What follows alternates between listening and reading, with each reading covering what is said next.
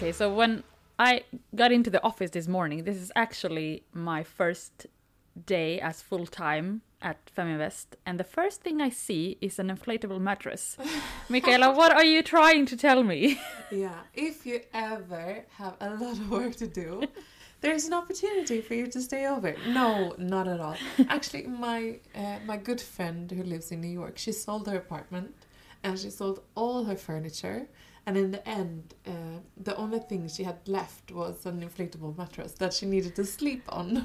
Ah, okay. So now, uh, before she she flew back yesterday, so now I have the mattress here. Because I got a bit nervous, to be Yeah. honest.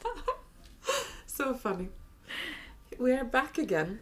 Yeah, this is lovely. And also a second podcast in English. Yeah, we are obviously focusing on trying to include as many people as possible. Yeah. And it's tough to understand Swedish if you don't speak the language. And uh, so that's why we do some podcasts in English, and we're going to continue to do so.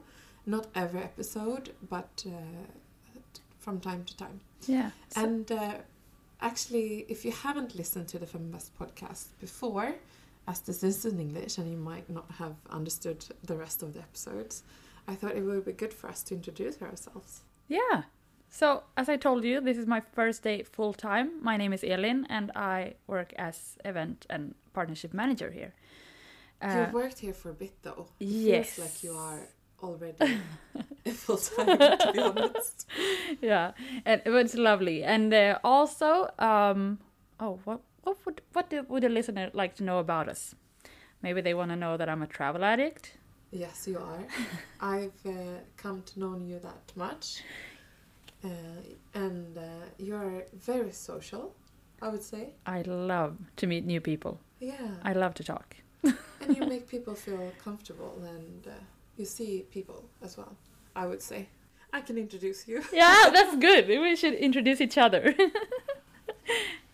Uh, yeah so and feminvest is uh, a, a hub for ownership. We're focusing on female ownership. We are actually we have a few different parts of the of the organization. So we do uh, educations in regards to what's happening in the stock market. We have a, a membership for that. And then we also have a network of angel investors all female where we introduce female entrepreneurs to those and help uh, women raise capital in that regard as you know uh, uh, both in europe and in the us and in sweden uh, about 1 to 2 percent of private equity is going towards women so that's just something that we want to change we need to change, definitely. step by step Mm. and uh, I'm also super pregnant now. if you are asking, so besides being the, the CEO of Feminvest and uh, you know working on building something really amazing, uh, I'm also building a baby. we are looking forward to a Feminvest baby, actually. yeah, actually, I I met a, a, a, a partner of ours, and she gave me like this body. Uh, with the logo of the company, I thought that that would be great for us too. We should hand that out. Yeah. to um, yeah so um, so baking babies and companies that's what we do That's what we're doing. and fortune for other women Definitely. We really want to make an impact and make a change. today's podcast is um, uh, also ha- happening in the week of the swedish election Mm, that is so exciting. Um, you can read a lot about it in the papers, who's going to win. It's like very, like, we don't really know how this will go. It's very. i always feel like i know where i stand politically until it's election time because there's so much noise out there Mm. do you see what i mean Yeah, I understand. I uh, totally agree. Um, Yeah. So uh, we'll see what happens, and also for various reasons, it's going to affect us financially in different ways. mm, Uh, whether you know some companies want to raise taxes for certain things, and some want to evaluate uh, decreasing taxes, etc. maybe that's something we also can go back to when we actually know the result of the the election.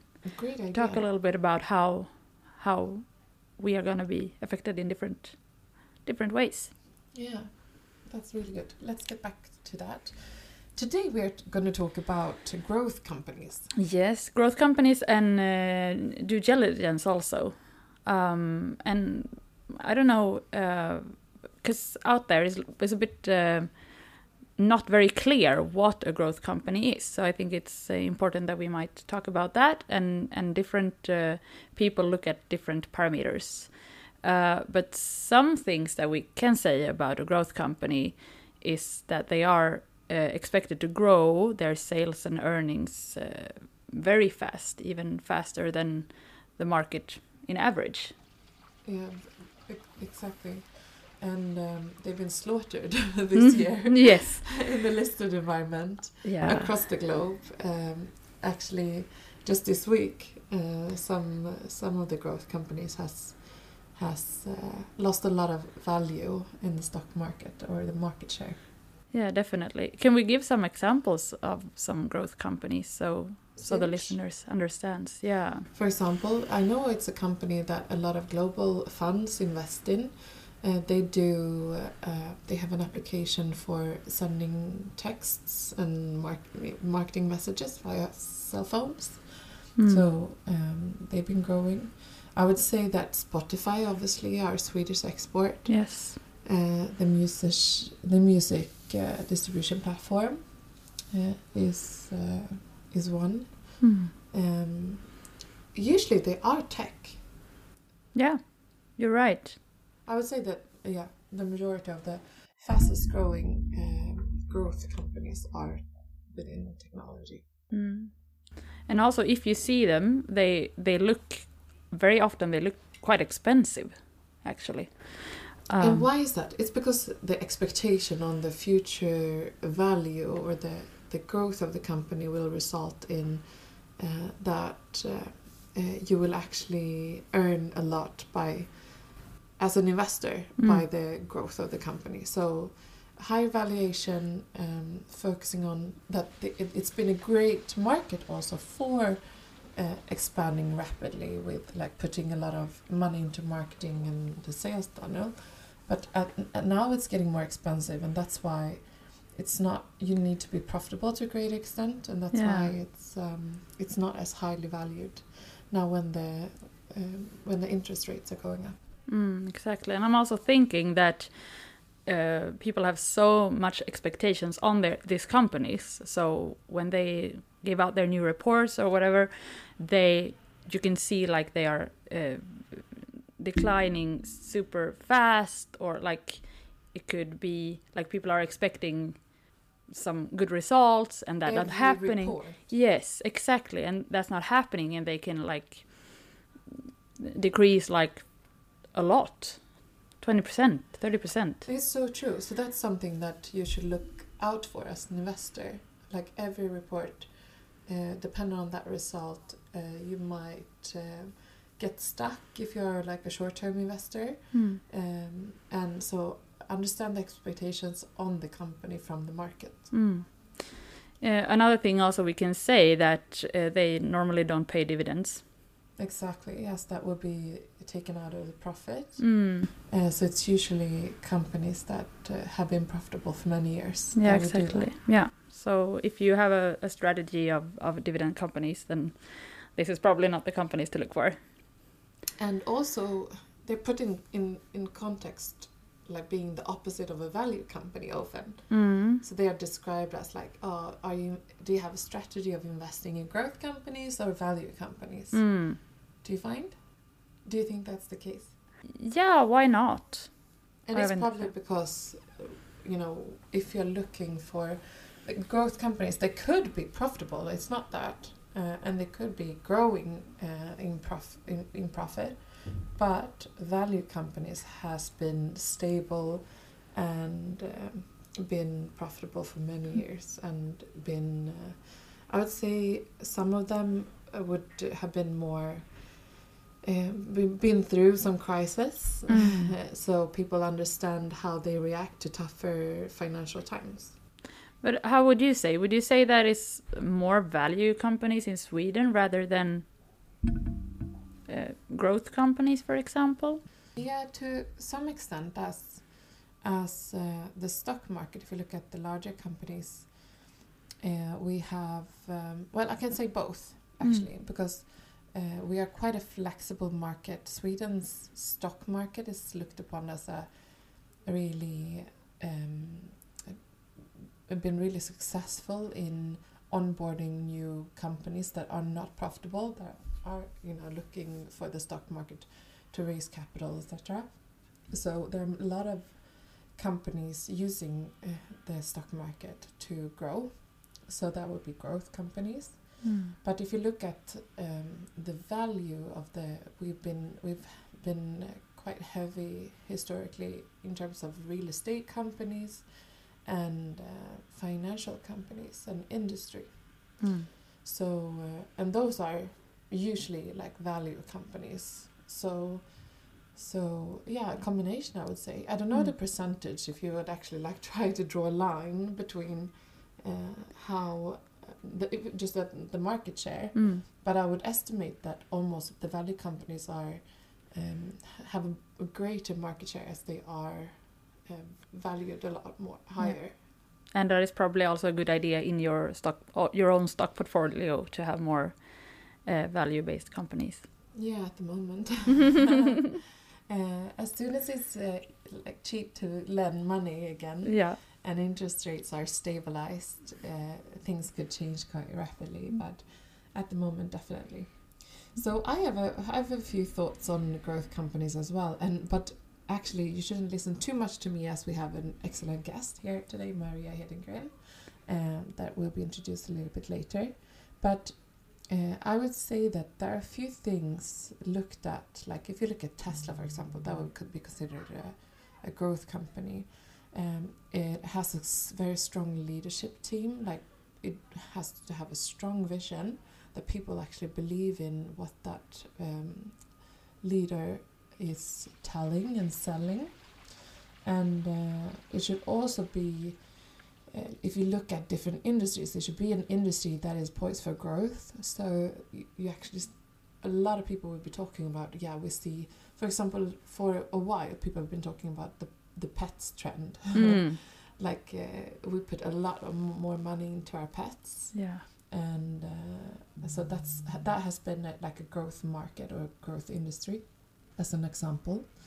Um, a commanding market share, so the company should uh, be in a position to to take on a market, and uh, um, you know demand or like take over that market and grow rapidly it can usually be combined with like a strong brand or being a first mover, for example. Maria's talking more about this. Uh, look at sales. Profitability is not always uh, the most important thing for those companies, but it's sales, sales, sales. Is it moving in the right direction? And now I'm talking more about listed companies. Later on, we will talk more about uh, early stage companies. Also, the target market for the product or the service uh, should be gigantic or massive. So uh, it could be uh, things that we all know someone that has been affected by. Uh, for example, uh, we all know that uh, we have people around us that give birth to kids. So what is actually necessary uh, in that uh, given moment when if we're looking at healthcare? But it could also be like diabetes or um, cancer as well. So now I'm super excited to hear more about uh, growth companies and due diligence. So we say welcome to Maria.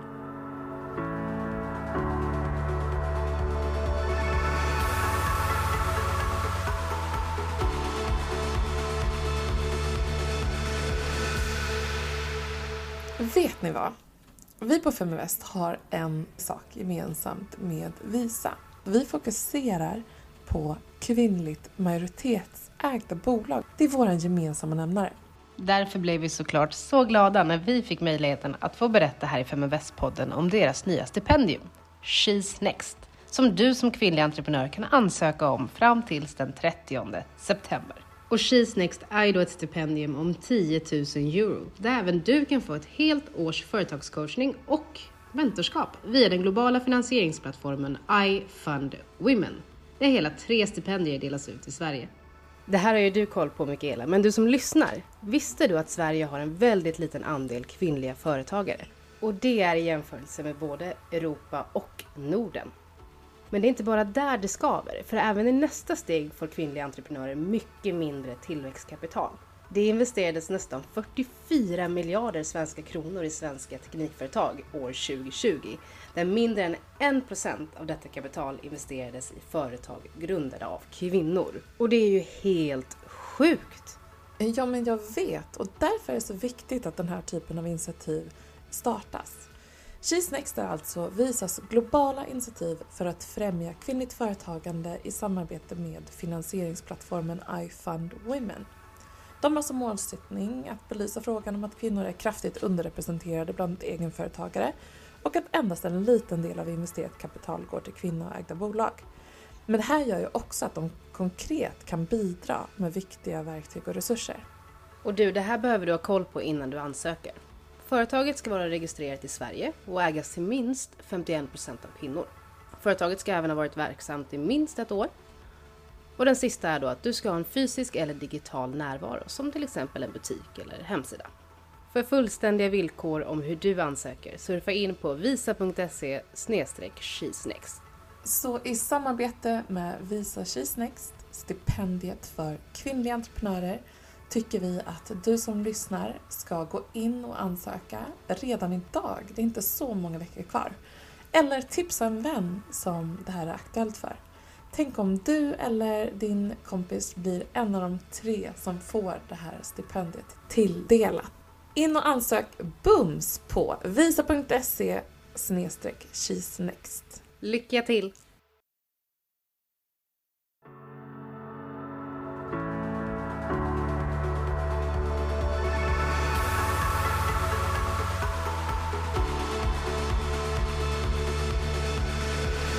And as you've uh, understood, this podcast is focusing on on uh, growth companies. You've probably seen the title, and the thing with growth is, even though it hasn't been as highly valuated as it's been before, uh, if you look at the stock market, but there's so much happening uh, from uh, companies being in an early stage and uh, we love bringing in experts and uh, great people to talk about and learn from. So this week we've got uh, Maria Hedengren. You recognize her. She's been uh, involved in two different episodes of the podcast before. And uh, actually, there's something new about her in this episode. And it's the fact that she is our new chairwoman and I'm so excited about that, Maria. So welcome to to the podcast, and finally we can talk about it publicly. Yeah, thank you for having me on on the podcast, but more specifically, thank you for for entrusting me with the the chairmanship of of uh, Feminvest. I I cannot tell you how excited I am about that. Uh, so many touch points and, and subjects around what Feminvest stands for and want to achieve that uh, are very close to my heart and uh, love the team uh, and everything about what you you have achieved and what we together will achieve going forward. So yeah, so I'm really really excited about this. Sometimes I forget uh, that we are as early as we are with the company. I feel like I work with a massive company. I don't know, maybe Elin, you have a different experience because you've landed more recently in the organization yeah definitely. But like our like our the view and the the the goals we have for the future is also huge. So i just go with the flow and yeah it's exciting as as you both of you said. It's like this is so this journey will be amazing. And in some ways we could actually apply today's discussion um, on on ourselves and uh, I think I'm going to learn a lot from you, Maria, because we're going to talk a little bit about the DD process, the due diligence process that you need to commit to uh, before investing. And this is true for listed companies, but the higher risk, uh, the higher, um, the earlier stage, the greater potential, the more effort you need to put into this. So um, let's dive into uh, some of the questions we have for you.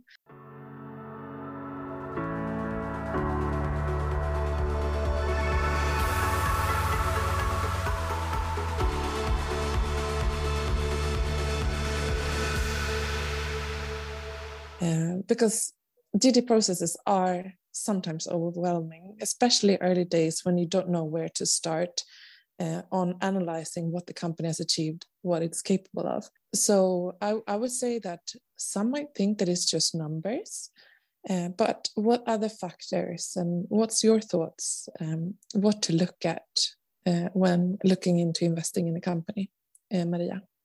Oh, there's so many things, uh, of course, and uh, but any growth company, but but in particular, maybe the earlier stage the company is in, uh, there is not so much history or track record in terms of number, financial results, or uh, KPI trends, or user data, and and etc.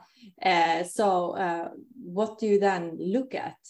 Uh, and then it becomes even more important to look at some more intangible things, more softer type factors, but are actually very hardcore and and can really make it or break it uh, for a company.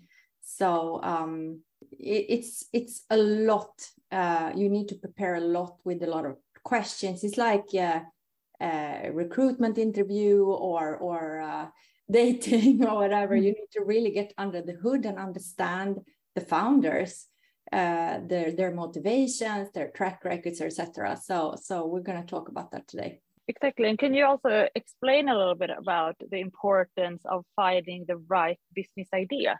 Yeah and i mean what is the right business idea? Of course i'm talking partly from my own experience and maybe also only from my own preference. So but what i personally look at is uh, the business idea that the company has what problems is it solving? Uh, is it just that the founders came up with something to sell, but they don't really feel passionate about the vision or what the company is really there to do? Because there are a lot of products you can market, but I think it's not about what what product you can market, but what real problems, consumer problems or um, society problems, or or what is the company there to do?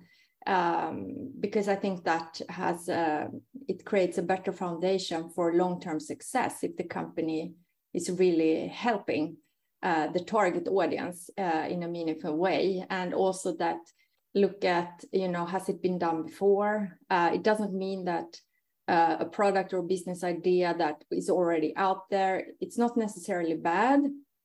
Sometimes it's even good that somebody else paved the way. So you don't have to uh, completely open up the market and educate the, the the market about the completely new product. But like what is the uniqueness uh, if the product's already out there by somebody else? What what set this company or this product uh, apart that will make it uh, be able to compete uh, and outcompete or, or really succeed in an already established market. And of course, the holy grail is if the company's actually identified a problem that nobody else has really been successful in solving and has a good solution for that. It's, yeah, it's very interesting because a lot of companies are obviously uh, trying to build the market and a need for a product by offering like a freemium model to start with. For example, if it's not it, it, and it can go both ways. It could it could be between because of a of a competitor being out there and they just want to you know get that speed up and grow rapidly, or it could also be that um, they um, are not sure of how uh, the value is perceived, so they want to grow rapidly and get a lot of data on board and a lot of users, and then add um, payment uh, options and business models on top of that. Uh, so I think it's interesting to to look at, and it's obviously I feel that it's switching now. So uh, even earlier stage companies need to think a lot more about being uh, profitable earlier on. And it, it, will be intriguing to see what's going to happen with the later stage companies that's raised a lot of money on really high valuations without that traction that is now demanded. Um, do you have any thoughts on that, Maria? I, it has a massive impact, of course. I mean, just look at all the layoffs uh, that we're seeing, um, not just in Stockholm, but everywhere in Silicon Valley and everywhere. So uh, I think in a way, of course, it's good for every company to keep reevaluating their strategy. And, and if you recruit a lot of people in a quick period of time, uh, to take a step back, maybe pause recruitment for a while to really make sure that the people you have on board, uh, you know, work efficiently and have a meaningful uh, role, etc. But uh, you know, I'm guessing that a lot of companies that the difficulty is maybe to change strategy because you've agreed with, on a strategy uh, and then all of a sudden uh, you need to pause and like readjust the company uh, for another type of strategy uh, where growth is not as uh, prioritized over or faster track to profitability. So I'm not sure there's a right and wrong here, um, but very painful, of course, if you're you know you're dead set on a certain growth target and the strategy get there, and and it, it needs to shift for a lot of companies right now because otherwise they won't be able to fund themselves. And for a lot of companies maybe this is you know healthy long term. Uh, but um, yeah and i don't still painful. Yeah and i don't think there's a right and wrong to be honest because i come from companies that weren't profitable and grew really rapidly like izettle and and uh, readly and and uh, we always said that it's the um, it's every user's P&L. Uh, the user metric is every customer uh, long-term value uh, exceeding the acquisition cost enough. That is what determines if if it's profitable to keep recruiting so many new users and not the bottom line in a given quarter. And I still strongly believe in that. But there is a financial reality if the financial uh, investors aren't willing to to fund that uh, starting period, then you have to adjust. It's it's it's just what it is. Mm. Uh, so both of you, Michaela and Maria, have uh, experience from uh, founding a company. So what would you say are the compet competences that is needed to become successful as a founder?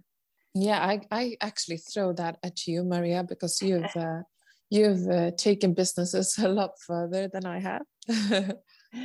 um, well, I think, um, and going back to the topic of due diligence, uh, and this is what I'm going to talk about now. It's not just for new startups, but any any company, whatever stage they're in. Um, uh, does management uh, have sort of what it takes to to grow the business? But if we, you know, it's maybe even more important very early stage because the founder's ability to realize uh, the business idea uh, it's it's all um, it starts and stop with that i would say especially if it's a very new company. You don't have any track record. You haven't built the product yet. So i would say very early stage the value is not just the business idea but even more maybe the founders and the team because there are so many great ideas out there but they're just not uh, they don't reach market fast enough or uh, they don't have the ability to raise the money or lead the team towards successful execution. So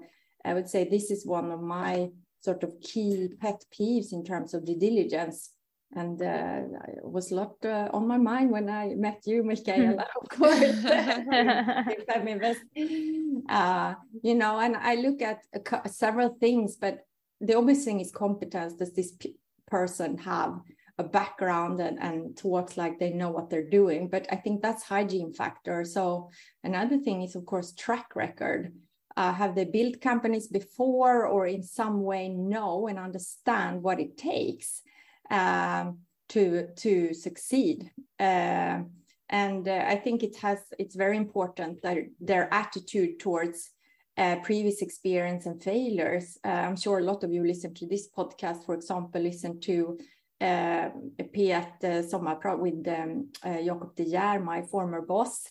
And and I think it's very interesting to talk about with founders that when I look at companies, what failures have they done, what successes have they done, and how how do they apply that uh, understanding? Because a founder or leader who are, who sort of blind to that they made mistakes or failed to sort of really reflect on that and, and apply that uh, like thinking about oh next time i will solve this so much better. Uh, you know i think that's uh, a red flag if they don't uh, have that mindset. So yeah, it's interesting yeah, yeah. and uh, i think uh, what uh, he spoke about in that uh, talk was also like how we are uh, in sweden not focusing on on uh, the the value that failures actually give you and mm. i was thinking and just now about when i did my i started my first company in in london actually together with a good friend of mine. And uh, we didn't charge enough. And we we got customers. I've always been quite good at that but we we yeah we, we didn't we didn't uh, uh, value ourselves enough in that business to actually see.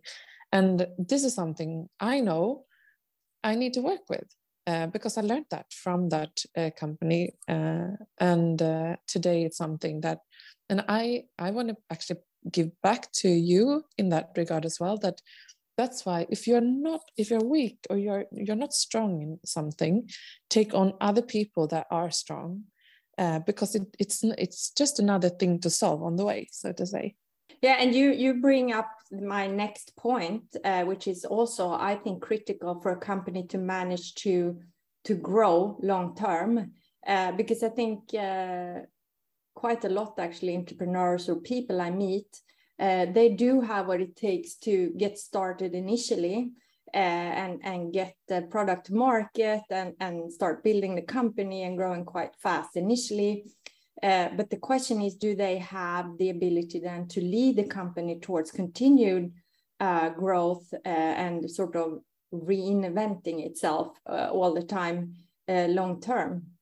Because it's important that that founders or whoever is leading the company um, has sort of the maturity and prestigelessness to to bring on board people that complete them to know just what you're talking about this is my strengths but here i need somebody else to sort of strengthen the team to think team uh, because the team will always be stronger than the individual always mm. Otherwise, you're limiting uh, the company's success to what you know, what you have experienced, and, and so on. And that's pretty arrogant to think that you can build a successful company completely on your own. So that's also a red flag if I meet people who are convinced that they alone are sort of the success factor for a company because all they know and what they've done. If they talk about team and if I see that they bringing on team members, advisors, board members, or or have people around them that are, are very sort of sharp and good and and skilled and and intelligent uh, then that gives me a lot of comfort that they will be able to succeed when they have that attitude uh, it's like i think michael Dead, uh, dell said something i don't know if i'm quoting it right but but if you walk into the room and you're the smartest person in the room you're in the wrong room. That I love that. yeah. it means you have gathered a, a, group of people that that will uh, sort of limit the company's ability to grow. If they are, you need to think, oh, I need to bring on people that are smarter than me, uh, that have done more than me. Uh, that's the kind of spirit and attitude I'm looking for uh, in in uh, leaders, in founders, um, to to sort of as part of the the more intangible uh, due diligence um, process. Yeah, that's very important point you're bringing up there. Uh, so apart from these very like engaged founders that are experienced and super motivated and have a good business idea, what else could be good to look at in this process?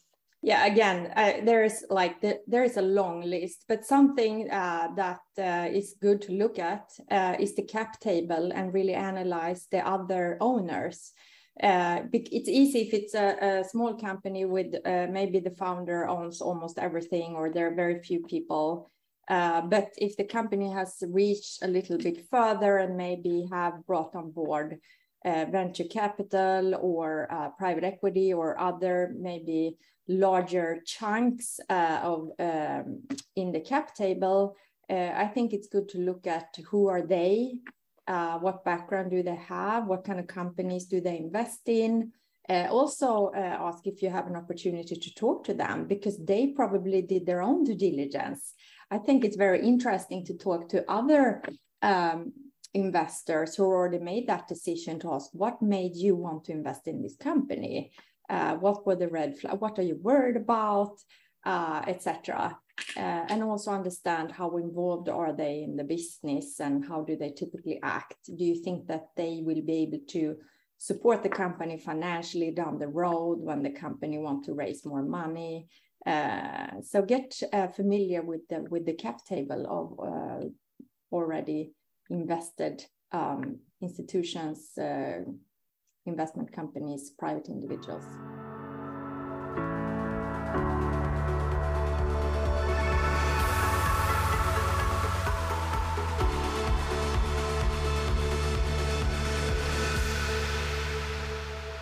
Would you say that it's good to have a plan? Um, I because I I think it's good to have a plan on how to finance the business like two years ahead. Uh, if you look, especially if you look for external capital. And what would you say? Uh, because I feel that many entrepreneurs are like, "Oh, I'm running out of cash. Yeah, I need an investor." Oh my gosh, and especially now, it's so hard for a lot of companies to raise more money, and that's it's well, it's the billion dollar question: uh, how much capital do you raise?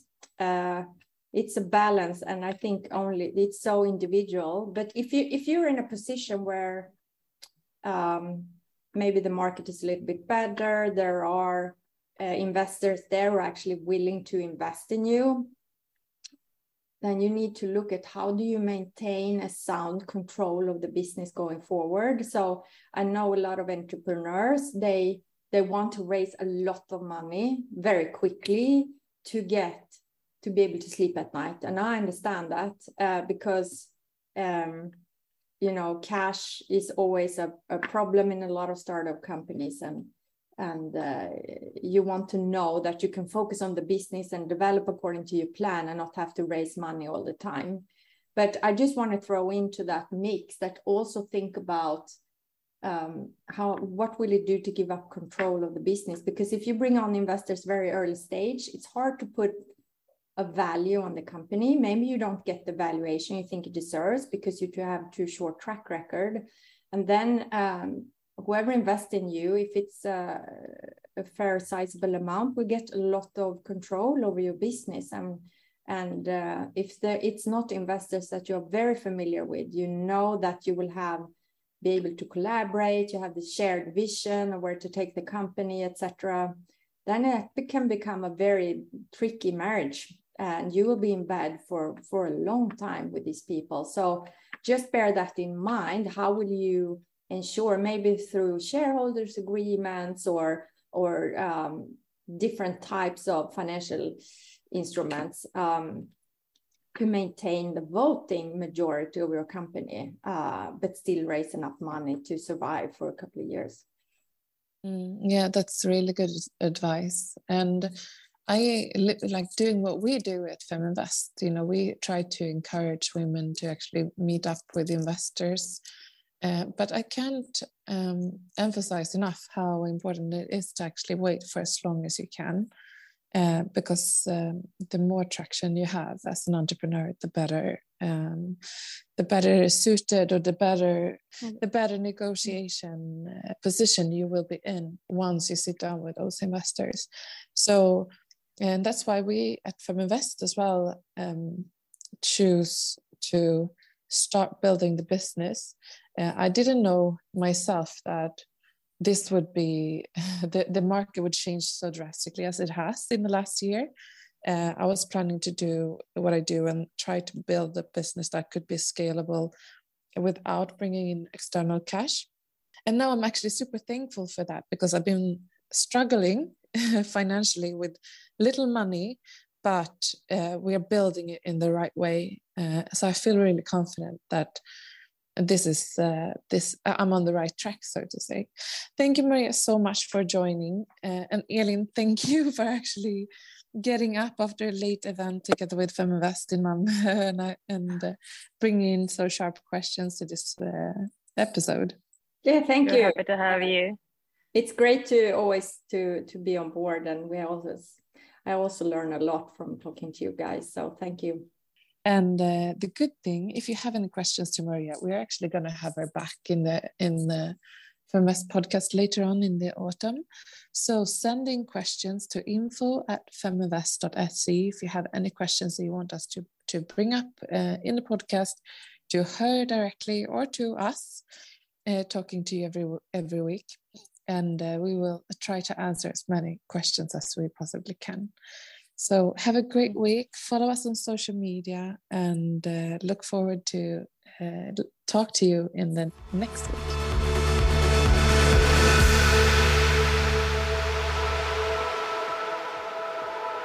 Feminvest är Sveriges största investeringsnätverk för tjejer. Vi vill att allt fler ska våga äga och förvalta. Och hur gör vi då detta? Jo, vi vill inspirera, utbilda och utmana runt ägande, investeringar och entreprenörskap.